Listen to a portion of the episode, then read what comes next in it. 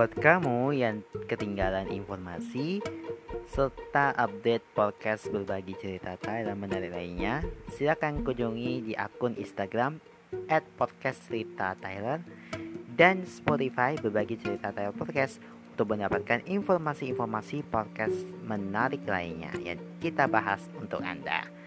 Jangan lupa juga untuk selalu follow akun Instagram at mata underscore baru underscore kindness dan Twitter at Demata Saputra untuk mendapatkan informasi mengenai program-program unggulan lainnya. Selamat mendengarkan.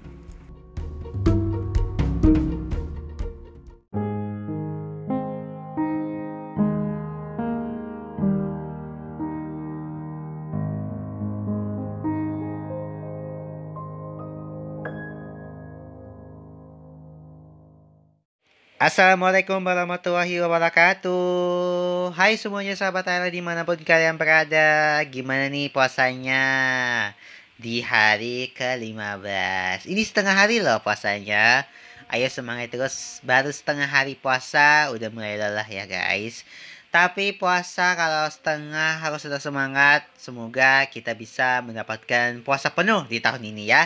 Amin kita ketemu lagi di podcast berbagi cerita Thailand spesial Ramadan setiap hari selama bulan Ramadan untuk menemani kamu semua sahabat Thailand yang menjalankan ibadah puasa. Semoga penuh sehat, barokah, dan amanah.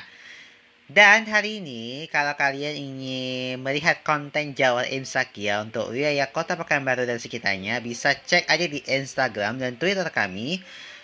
Setiap hari jam 7 malam kita akan posting dengan konten Islam Jawal Insakia selama bulan Ramadan khusus di wilayah Kota Pekanbaru dan juga di sekitarnya ya maksudnya ya. Dan Anda juga bisa mendengarkan semua podcast kami secara eksklusif di Spotify. Nah, hari ini kita akan mau membahas tentang kita masuk ya ke segmen Tanya Yuk seputar Ramadan Nah, di segmen Tanya Yuk seputar bulan Ramadan kali ini, kita akan mau membahas pertanyaan yang sudah saya dapatkan dari sana ya. Oke, kita mulai dari yang pertama. Oke, kita mulai yang pertama ya guys. Hmm, oke, kita lihat ya. Oke. Nah, ada yang bertanya nih ya. Oke, oke. Sorry ya guys, eh, si masih banyak ya. Oke, ini pertanyaan yang paling uh, paling apa namanya ya? Tentang Ramadan ini. Saya mau bertanya nih, apakah bisa donor darah saat puasa? Donor darah saat puasa. Ini pertanyaan yang paling kita nggak tahu ya apalagi bagi orang awam apakah sih bisa ya donor darah itu saat puasa? Aku mengutip dari www.clickdota.com artikelnya adalah uh, apakah bisa donor darah saat puasa? Bolehkah atau tidak? Oke kita lanjut ya. Tanpa berpinggir panjang uh, oke. okay. Nah, banyak perdebatan tentang boleh atau tidaknya donor darah saat puasa. Sebenarnya sih apa efek donor darah saat Ramadan itu menjadi bulan yang paling dinantikan oleh umat muslim di seluruh belahan dunia termasuk Indonesia. Berbekalan dengan bahagia yang dirasakan bulan puasa itu mungkin menjadi bulan yang paling membuat resah para merah Indonesia. Tak lain itu karena sepinya donor darah saat puasa. Bagaimana tidak, biasanya si stok darah menjelang bulan puasa itu semakin menipis. Bahkan golongan darah itu yang terbilang jarang seperti AB berpotensi kosong sama sekali di bank darah. Kondisi tersebut terjadi karena banyak orang yang menganggap donor darah saat puasa tidak diperbolehkan. Bagaimana kebenarannya dari sudut pandang medis? Apakah boleh ya donor darah saat puasa. Sebelum memberikan darahnya, calon pendonor disarankan untuk menjaga betul nih kesehatannya dengan beristirahat cukup, makan bergizi, dan cukup minum air putih. Hal inilah yang kemudian menjadi dasar banyaknya muncul larangan donor darah bagi seseorang yang sedang berpuasa. Saat berpuasa, cadangan air dalam tubuh akan berkurang. Nutrisi pun belum tentu sepenuhnya memadai ya. Pengambilan darah sejumlah 250 hingga 350 cc saat donor darah dikhawatirkan dapat mempengaruhi kondisi kesehatan pendonor hingga dapat membahayakan fisiknya. Kenyataannya pendapat ini tidak sebetulnya benar. Mendonorkan darah saat puasa pada dasarnya aman bagi orang yang sehat. Namun ada beberapa hal yang sebaiknya kamu perhatikan saat akan donor darah selama berpuasa. Salah satunya adalah soal pemilihan waktu. Saat bulan puasa, donor darah sebaiknya dilakukan pada pagi hari di mana kondisi tubuh masih cukup fit dan cadangan air dalam tubuh masih memadai. Nah, sebaiknya donor darah di siang atau sore hari sebaiknya dihindari ya guys. Pada waktu-waktu ini biasanya sih orang-orang sudah banyak beraktivitas, cadangan energi serta cairan tubuh pun sudah jauh berkurang. Nah, ini ya persiapan donor darah saat puasa nih. Nah, salah satu efek donor darah saat puasa bila dilakukan pada siang dan sore hari adalah penurunan tekanan darah dan keluhan pusing. Tentu dua kondisi ini dapat merasa mempengaruhi kelancaran ibadah puasa di hari itu. Oleh karena itu, selain pemilihan waktu donor, persiapan fisik juga harus diperhatikan nih. Bagi sahabat Tyler yang akan melakukan donor darah saat puasa, ada beberapa persiapan yang perlu dilakukan sebelum hari pendonoran. Seperti istirahat yang cukup, terus makanan-makanan yang bergizi. Yang ketiga, minum air yang cukup, hindari obat yang mengandung aspirin. Nah itu tadi uh, sudah terjawab ya. Donoda saat puasa bolehkah? Boleh-boleh saja asalkan waktunya itu di pagi hari. Tapi kalau di siang dan di sore sebaiknya dihindari ya guys karena bisa uh, menurunkan tekanan darah gitu. Oke, kita lanjut ke pertanyaan berikutnya. Oke.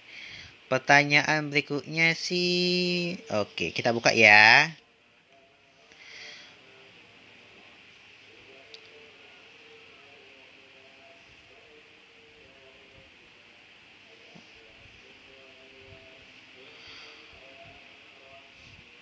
Oke, kita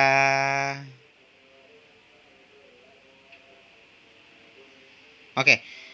Ada beberapa tempat ya. Pertanyaannya adalah bagaimana sih hukum berpuasa bagi orang yang sakit berat? Nah, bagaimana sih hukum berpuasa bagi orang yang sakit berat?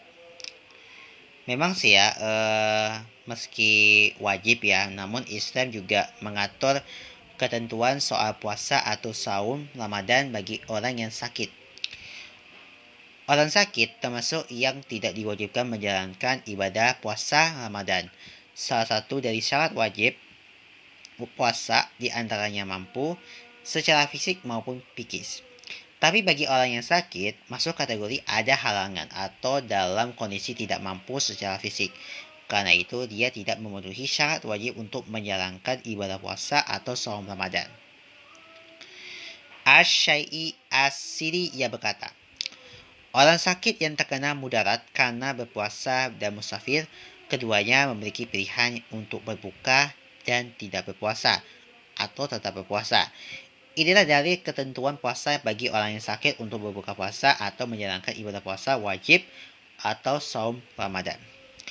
Allah berfirman dalam Quran Surah Al-Baqarah ayat 184, Maka dari itu barang siapa di antara kalian sedang sakit atau dalam safar, lalu ia berkata, diwajibkan baginya berpuasa sebanyak hari yang ditinggalkan itu pada hari-hari yang lain. Quran Surah Al-Baqarah ayat 184.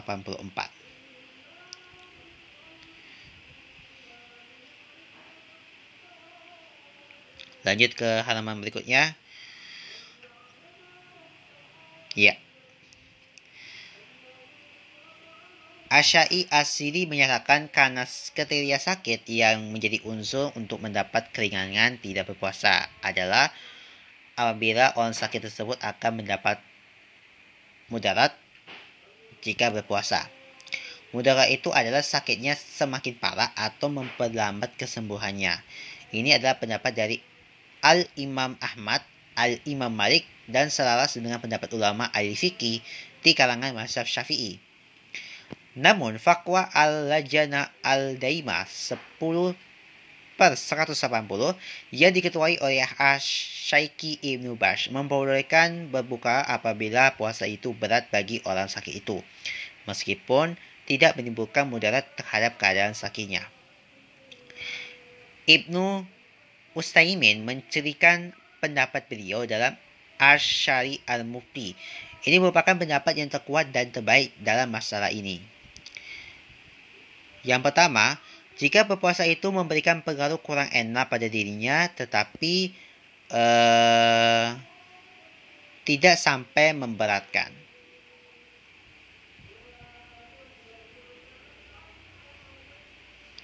Pada kali ini, pada keadaan ini, berbuka adalah sunnah baginya, sedangkan berpuasa dibolehkan baginya dan tidak mako. Oke, berikutnya yang kedua. Yang kedua ini Sorry ya, agak lambat sih. Yang kedua adalah jika berpuasa terasa memberatkan dirinya tetapi tidak sampai memberikan mudarat, pada kenyataan ini berbuka adalah sunnah baginya dan mampu untuk berpuasa. Yang berikutnya, jika berpuasa memberikan mudarat terhadapnya seperti penderita sakit ginjal, sakit gula, diabetes dan semacamnya. Pada keadaan ini wajib atasannya untuk berbuka dan haram untuk berpuasa. Islam sangat mengunjungi umatnya. Bahkan orang sakit parah diharamkan untuk menjalankan ibadah puasa atau saum Ramadan. Hukum ini tentu menekankan bahwa orang sakit parah harus lebih mengutamakan kesembuhan atas kesakitnya. Karena itu tidak saja tidak diwajibkan, tapi tegas diharamkan ya guys. Jadi, jadi ya bila ada umat Islam dalam kondisi yang sakit parah banget dan dikuatkan dengan pendapat dokter, janganlah memaksakan diri untuk tetap menjalankan ibadah puasa wajib di bulan Ramadan. Oke, itu tadi pendapat dari uh, hukum berpuasa bagi orang yang sakit ya guys. Nah, kalau kalian ingin punya pertanyaan, silakan aja DM di Instagram dan Twitter kami, podcast cerita Thailand. Silakan kirim pertanyaan seputar bulan Ramadan, nanti kita akan jawab dalam segmen yang berbeda. Oke, sekian dulu ya episode kita kali ini dan sampai jumpa lagi di episode Ramadan berikutnya. Sampai jumpa, bye-bye. Kita masuk ke TTO, tipe-tipe orang. Cering dah. Nah, Juri sendiri berarti iri hati dan degi. Kata ini lebih sering dipakai di media sosial saat Anda seseorang yang selalu menyindir kita siapa pun, kapan pun, dan di mana pun. Hobinya selalu menyindir dan suka berkomentar pedas. Juli sendiri berasal dari kata bin julit yang merupakan bahasa Sunda yang kabarnya diperbolehkan oleh Syahrini. Selain itu, masuk juli ini bisa berarti anak-anak. Maksudnya seseorang yang bersifat seperti kekanak-kanakan hobi caper, dan bersifat menyebarkan. Apakah kamu termasuk kategori yang suka julid ya? Nih, cek di bawah untuk untuk mengetahuinya. Yang pertama, super kepo. Stop, aku udah capek kepoin kamu terus. Nah, kalau kamu nggak mau punya urusan dengan orang yang kamu ulik-ulik masalahnya, mending berhenti cari kemasalahan ya. Bedakan perasaan peduli dan membantu masalahnya dengan hanya iseng ingin tahu dan malah diem. Makanya ikut menjelajahkan loh. Yang kedua, si tukang pengiru. Ini zaman kebiayaan, jangan ikut-ikutan. Kalau ikut bisa blunder ya pak. Hmm. Kalau selalu aktif merespon dan menanggapi postingan semua orang, pasti punya tenaga ekstra dan nggak punya kesibukan sendiri. Bahkan, kamu selalu menyiru hal-hal yang berkomentar orang lain tanpa melihat duduk masalahnya, nama ngomongin yang ada loh. Yang ketiga, jadi orang terbahagia kalau lihat temannya susah. Entah kenapa ya, kamu merasa biasa aja, bahkan lebih keperasaan lega saat teman kamu sedang kesusahan. Wah, jadi bahan gosip baru ini yang ada ini. Semua serba salah. Katanya cewek selalu benar tapi nyatanya gue selalu disalahin. Nah kalau kamu melihat segala sesuatu dengan salah, nggak benar, dan ada yang kurang, pengennya ngebelin aja dengan cara berkomentar dan apa yang kamu menurut kamu itu benar. Yang kelima, komentar paling oke. Karena merasa paling benar, kamu harus memilih kata yang terlihat baik dan nggak menyinggung perasaannya. Tapi ujung-ujungnya, kamu akan memihak dan terkesan menjadi nyinyir loh. Nyinyir.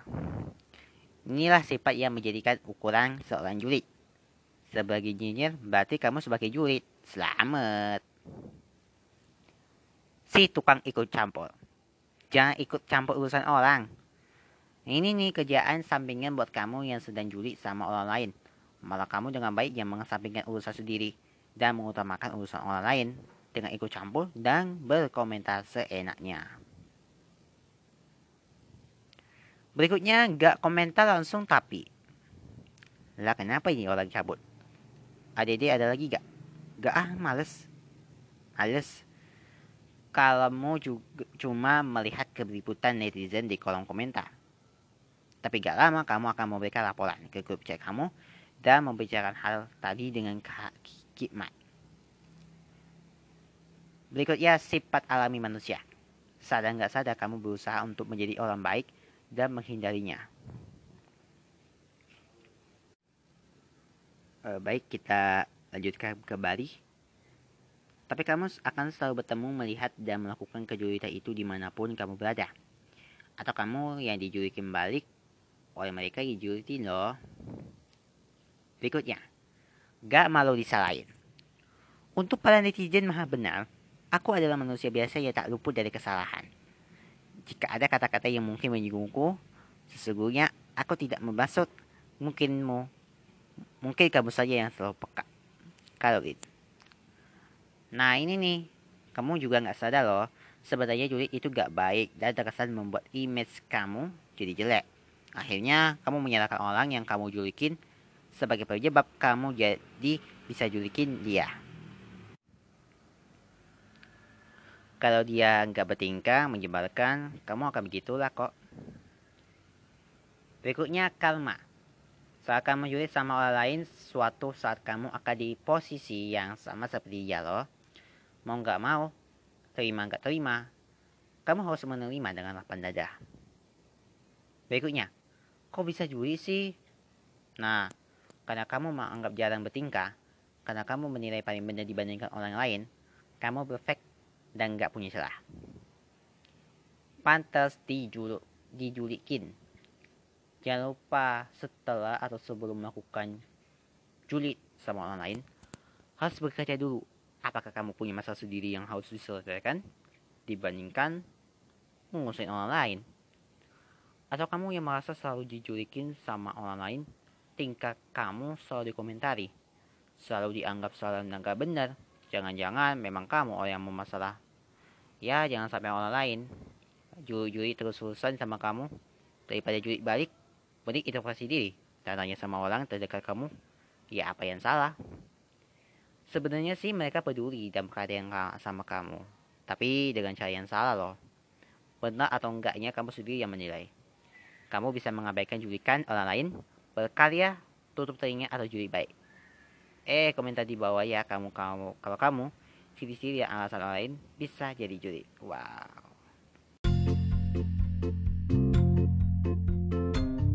Berbagi cerita Tyler hanya di Spotify. you